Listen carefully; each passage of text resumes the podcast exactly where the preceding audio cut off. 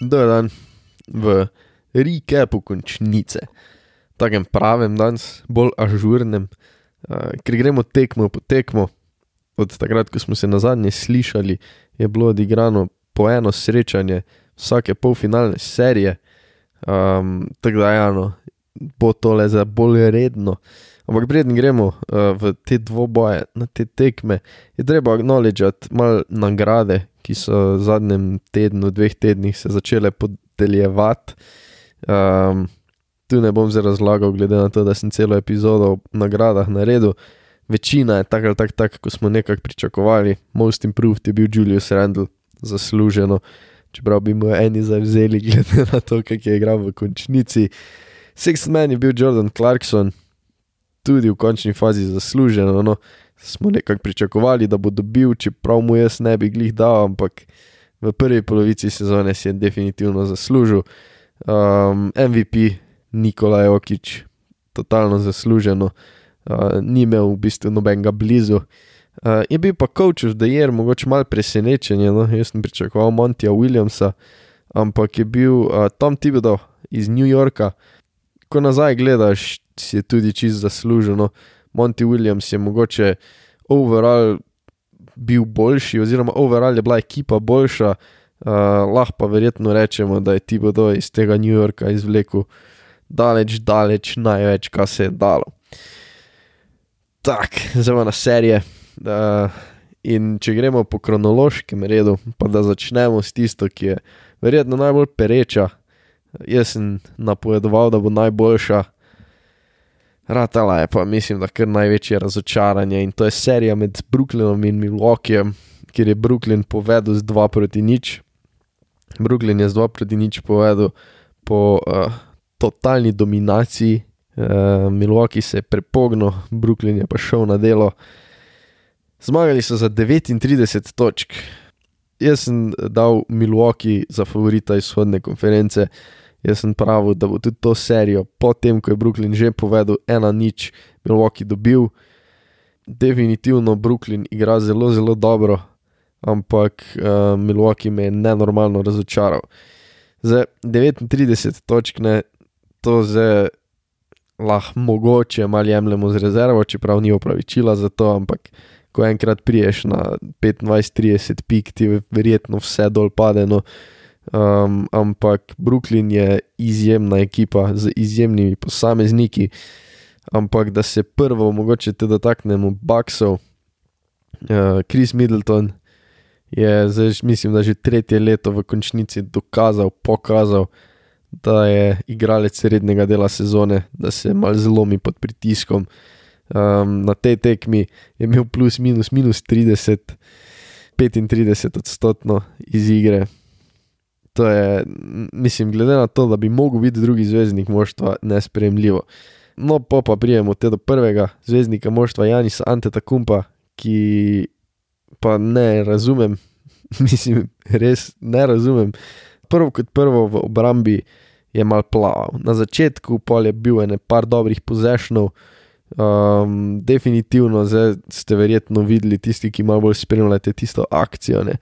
Ko je Kevin Durant naredil dva crossoverja po vrhu čez Janisa.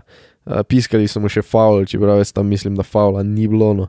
Uh, če pa je bil faul, pa ga je mogoče malo po roki spekel pred tem, ko je Durant šel sploh v šut. Ampak tu je Kevin Durant pokazal, da je bog basketa. Janis je pa odigral dobro obrambo, no. pač tu zdaj jaz velik sem, pač ljudje menijo gor na družbenih omrežjih, kak je Janis, kao defensive player of the year, kao mu je Durant naredil. Durant je pošast, Durant lahko vrže čez praktično kogarkoli, glede na to, da je 20 velik um, in je eden izmed najboljših basketašov vseh cajtov, definitivno najboljši offensive player zadnjih 10-15 let. Um, ampak tu jaz mislim, da se je čist preveč napihnilo, kaj je tam Kevin Durant naredil Janisu, ker je Janis igral pač na, na Durantu tako obrambo, kot se na Durantu lahko igra. Uh, ampak kaj me pri Janisu moti, kaj me boli, je, da se je predal, ker jaz si drugače ne znam razložiti, da sploh niti potrudil se ni dominirati v raketi, v raketi, kjer je Brooklyn podpoprečno dober.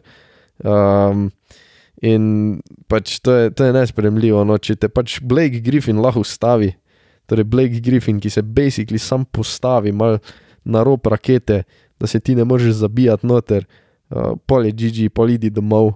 Če je, to, to, če je to vse, kar rabiš, da te ustavijo, pa da si dobil v uh, preteklih treh letih dva MVP-ja, um, jaz mislim, da se lahko izpišeš, pa nehaš bas basket špilat pač njegovi prosti, to tak, ne vem, če sploh komentiramo, manj kot 30 odstotno, ampak tega smo nekako že zdaj navajeni. Pač Janis, je, Janis se ni potrudil dominirati rakete. Delno je to itak spet na trenerju Badenholzerju, ki jaz mislim, da pač drugo leto ne bo več treniral Milwaukee Bucksov, zasluženo ne. To, da Janis pride z žogo čez polovico, se ustavi na trici in jo vrže, je tako, da bi metal žogo v avt. Pa na par tekmah se mu je vkenjalo, pa pač je trofu ene par totih tric, je to za mene stran vržen possession, ker pač jih meče tako slabo. Uh, tudi to, da stopi en šerit noter v trico, pa pol vrže, jaz mislim, da ni pravno.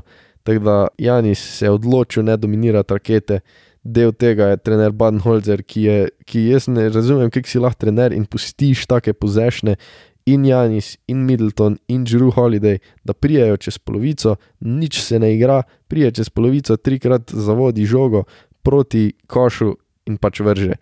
To je stran vržen possession.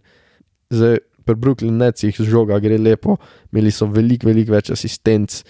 In um, kar se tiče Brooklyna, treba pa sam povedati, da ima Kevina Durenta, ki bi se dal zdaj argumentirati, da je najboljši igralec basketa na svetu, ima Kajrija Irvinga, neverjetno napadalno orožje in um, vrsto, vrsto kvalitete na klopi, kvalitete, ki si mogoče nismo mislili, da je taka kvaliteta, ampak uh, vsak ve, kaj je njihova vloga, imajo izjemnega trenerja, žoga gre, um, igra je lepa in v takem stanju mogoče celo ne rabijo Jamesa Hardna. Se pa mogoče tudi sprašujem, če jim je celo mogoče malo bolj fajn, uh, da sta sam dva zvezdnika. Me zanima, če glede na to, da so bili praktično celo sezono igrali sam z dvema zdravima zvezdnikoma, če jim je ta, na tak način mogoče lažje, da, da več izvlečejo iz tiste podporne skupine. Uh, ker če prav imaš tam pol tri igralce, ki ti v bistvu lahko sami zmagajo tekmo in ne rabiš nobenega drugega, uh, je pa na tak način mogoče ekipa celo bolj zaokrožena. Je, jaz mislim, da so pač, da bojo Brooklyn osvojili. No, potem, kar smo zdaj videli, uh, bomo videli, če še Milwaukee lahko mogoče najde tisto, kar pač si jaz mislil, da imajo. Ampak po teh dveh tekmah, definitivno mislim, da, da je konec. No.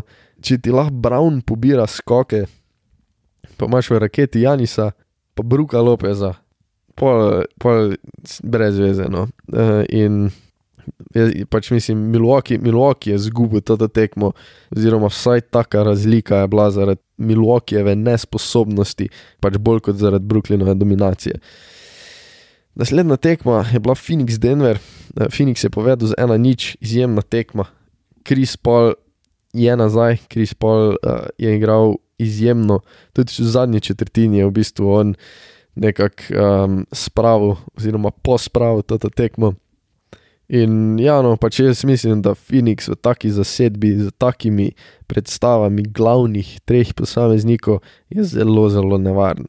Tu pač je zelo treba izpostaviti in pohvaliti Dendrija Aitona, ki je dejansko držal svoje z Jokičem. Um, ni bilo glih tako, kot sem jaz mislil, jaz mislil, da pač ga bo probo nekako um, v obrambi zaustaviti, no, če ga bo šlo, oziroma vsaj da ne bo mogel delati um, Jokič, kaj bo hotel. Pa je bilo mogoče glih malo obratno, ampak je Aiton tudi Jokič delal glih, kaj je hotel, uh, dosegel 20 pik, dosegel 10 skokov, tako zelo, zelo spodobna statistika za centra. Kar se tega tiče, ti Andrej Aiton v letošnji končnici je res, res veliko pokazano. Pol kar se Phoenixa tiče, me je definitivno presenetil tudi Mikel Bridges. Da je v bistvu um, 20 pik, tudi Phoenix je imel 4 igralce v 20 pikah, ne 20 igralcev v 4 pikah. Ja, no, mislim, Phoenix je dobil tisti, kaj je rabo, od vseh tistih, kaj je rabo. No. Definitivno je treba tu izpostaviti Krisa Pola, ki je imel 21 točk, 11 asistov. Treba ga izpostaviti zato, tega, ker nismo vedeli, če, mislim, kako bo igral, pa če bo sploh igral ne, s to njegovo ramo. Tako da na koncu Booker je imel tudi sam, ena, sam 21 točk, ni rabo Booker nekaj za da bi ga razganjalo, pa da bi ga mogli spet raznesti, da so zmagali. Uh, tako da to je lahko samo dobro, ampak je pa v bistvu tudi dal če tega, da bi pa Denver igral slabo. V prvem polcajtu so celo nadigrali Phoenix, uh, pa se je Phoenix ufnilo. Kasneje smo mogoče tu videli, pred tem Denverju je, da bojo mogli tiste njihove odprte šute, bojo mogli zadevati. No. Zaradi tega, ker ene parkrat, ko so v napadu, oziroma tako pol proti napadu, uh, izigrali obrambo, pa spravili v bistvu žogo odprtemu igralcu, ko je ene parkrat celo bil uh, v tistem kotu, torej tiste kotne trice, ko, ka, ko so najbolj procentualno uspešne trice. Ne. Tam so bili sami, pa niso skinili, to bojo mogli izkoriščati. Um, se jim pa definitivno pač tudi pozna nekako na teh gardih, niso tako globoka ekipa kot Phoenix. Tako da, glede na to, da ima Phoenix na branilskih položajih najboljša posameznika, jim tu res manjka, že malo mrino. Proti Portlandu je bil Monte Morris res žvat, tu je metal 10%, to ni glih gud. Uh, Austin Rivers, Rivers je tudi metal manj kot 30. Mislim, je bilo tudi veliko uh, dobrih predstav teh posameznikov, tistih posameznikov, ki je mogoče najbolj pomembno, da so imeli dobre predstave in to je tistih glavnih nekih pomočnikov Jokiča, Fakundo Campaco, Michael Porter Jr., Aaron Gordon, vsi so imeli zelo, zelo dobre tekme.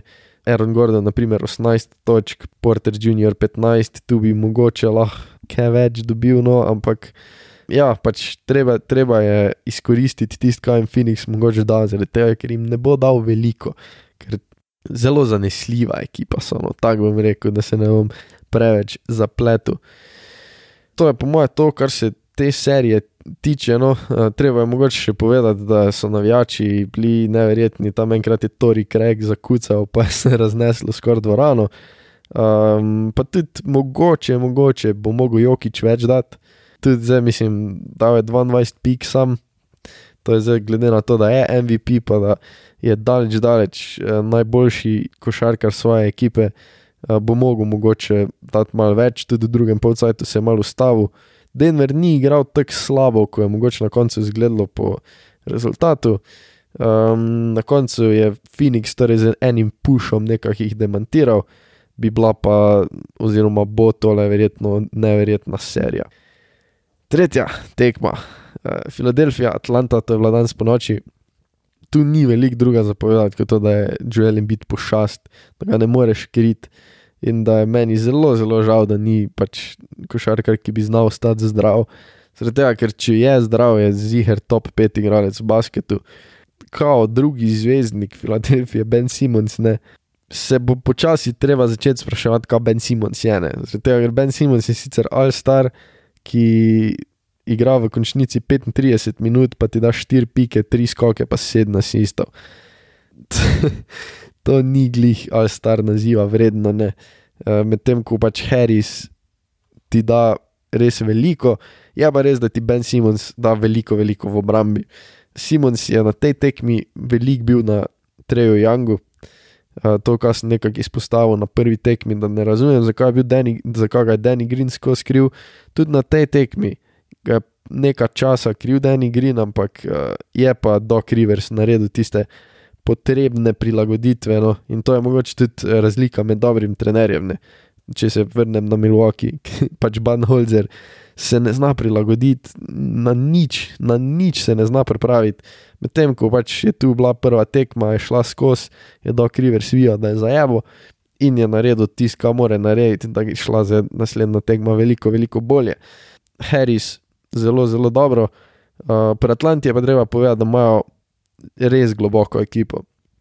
Eh, Tri igralci so imeli več kot 20 pik, eh, še dva sta imela več kot 10 pik. Res imajo moštvo, kot ti lahko ogromno posameznikov nekaj doprinese. Galinari, Young, Itak, Bogdanovič, to je nekako se osnovalo za tri glavne napadalne opcije. pomaž pa, še- pa še Huerterja, ki je dal za 20 pik, Kapelo, Collinsa, še Luja Williamsa, imaš na končni fazi na klopci, kot jih lahko capa. Tako da Atlanta ima več zanesljivih opcij, tako bom rekel. Ne. In klih zato je bila tekma nekako um, do konca, oziroma do začetka zadnje četrtine, tako bom rekel, je bila kar tu, tu tekma. No. Uh, Filadelfija je imela neverjetno predstavo, živela Embida, ki je dal 40 pik. Mislim, res praktično nezaustavljiv s temi njegovimi fadeaway, buljal je kapelo. Uh, ampak Atlanta se je skupaj držala, ker je dejansko imela Filadelfija uh, tri dobre predstave, Tobias Harris, Joel Embiid in pa Seth Curry. Oni so basically cel napad nosili, no tako bom rekel. Uh, v četrti četrtini se je pa klop Filadelfije zbudila, v glavnem uh, Shake Milton, ki je dal na koncu 14 točk, ampak uh, klop je pol naredila tisto razliko, da so dejansko kar orang zmagali na koncu. No. In uh, takoj, ko je klop začela igrati, so prišli nekako na 15 pik in pol niso spustili več te prednosti. Bo bolj zanimiva serija, kot sem jaz mislil, da bo. Um, še vsem pa mislim, da če bo Joel biti igral na takem nivoju, da, da je GG, no, da bi vsaj mogla Filadelfija hitro odpraviti z njimi. Je pa pač res tu, zdaj, kako bojo Janga ustavljali. Torej, kot sem že omenil, Simon je bil na Jangu, Jang je metal pol 1,7 za 3, skupno je metal 38 odstotno. In če izničiš oziroma minimiziraš Jangov eh, vpliv napadov, pa pač je tudi um, veliko, veliko lažje, no tako bom rekel. Uh, kar se pa zadnje tekme tiče, je pa nisem gledal, tako da uh, pogledal sem sicer highlighte, tisti uh, condensed game na League Passu. Jaz moram reči, da je izgledala kar dobra tekma. Uh, Utah je zmagal, kljub temu, da je bilo v prvi četrtini eno obdobje, ko so šli 0-20, 0-20, 8 minut niso dali koša. Um, kaj je treba tudi povedati, je, da Mike Conley ni igral. Um, v stegenski mišici je nekaj si mal nategnil na prejšnji tekmi, ampak je pa na drugi strani se mi zdelo nekaj zelo, zelo zanimivo in sicer pri Clippersih je igralo 11 igralcev. To je mi nerazumljivo, to je precej preveč za playoff. Igral je tudi Bugi Kazens, ki ga, že, ki ga nismo videli v prvi rundi. Uh, pol, naprimer, tudi Patrick Beverly je imel 6 minut, kar je nekako ne, ne razumem, no, glede na to, da zdaj res ni igral, padel je ven z rotacije, pol ga pa na taki tekmi nekako daš špilat, ki je precej blizu. Ne. Zdaj, Bugija še mogoče torej zastopim, ker je Lu iskal odgovor na Goberja, oziroma je iskal nekak, ki bi najbolj pariral Rudijo Goberju kot centru, ampak um, po mojem mnenju no, je pač vsaj v končnici preveč, da tako deliš minute na toliko različnih igralcev. Je sicer tu res, da je zdaj Luke Kennard prišel nazaj v rotacijo, pa jim tudi kar veliko doprinesel na toti tekmi, celo 18 točk, kar je res, res dobro, 77 posto je meto, fukjeno, ampak uh, po drugi strani imaš pa zdaj pol. Kawhi Leonarda, pa Paula Georgia, ki sta igrala 36, pa 37 minut, ne. To sicer ni zdaj glih malo, ampak glede na to, da so na koncu izgubili samo za 3 pike, pa če bi tistih 6 Beverlyjevih minut razdelil med ta dva zvezdnika, ne, uh, v glavnem, torej bi jih mogel verjetno dati Kawhiju, bi lahko bila slika drugačna, bi lahko mogoče zmagali. Ne. To je pač kar se mi zdi, da Clippersov da jih bi še znalo tepst, to da nimajo glih nekega ful zanesljivega trenerja. No, kar se pa uh, jazza tiče, pa eh, Donovan Mitchell pošast, da je 45 točk, um, itak je capal tudi trice, no, ampak kar se je meni zdelo kar zanimivo, pa kar dobro, je, da je velik, velik prodiral. To, to, to ti njegovi pick and rolli, oziroma pick and rolli, ki mu jih pripravljajo, so zelo, zelo dobri, ker je res agilen, hiter, dobro spremenja smer, tako da lahko zaključuje zelo, zelo dobro pod obročem. Uh, fajn je bilo tudi gledati, um, zdaj Dwayne Wade je postal delni lastnik ta jazza in je tudi bil na tekmi in ga tam iz roba igrišča usmerjal mal. Uh, to je bilo zanimivo videti. No. Je pa torej zadnja akcija bila zmagana z obrambo, z obrambo Rudija Guberja. Torej, tri pike so zgubili Clippersi in je basically na trici stal Morris in ga je Gober blokiral. Tako da, nice.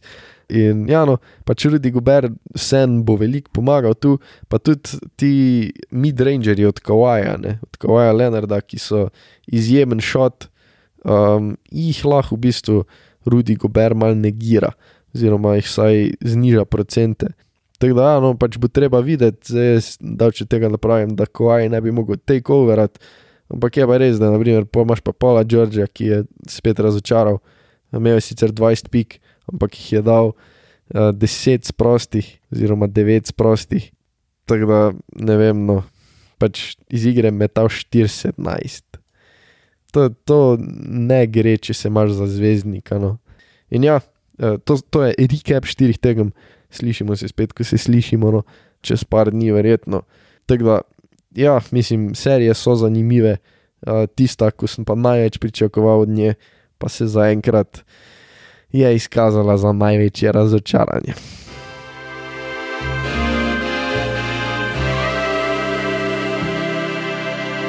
To je to za danes. Hvala vsem, ki ste poslušali, izjemno pa vam vesel, če se odločite naročiti, oceniti ali pa napisati review, ker to face pomaga podkastu. Navdušen bom, če podate kakšen komentar, kritiko, tudi mogoče, kaj si želite slišati, ker je od naslednjih epizod.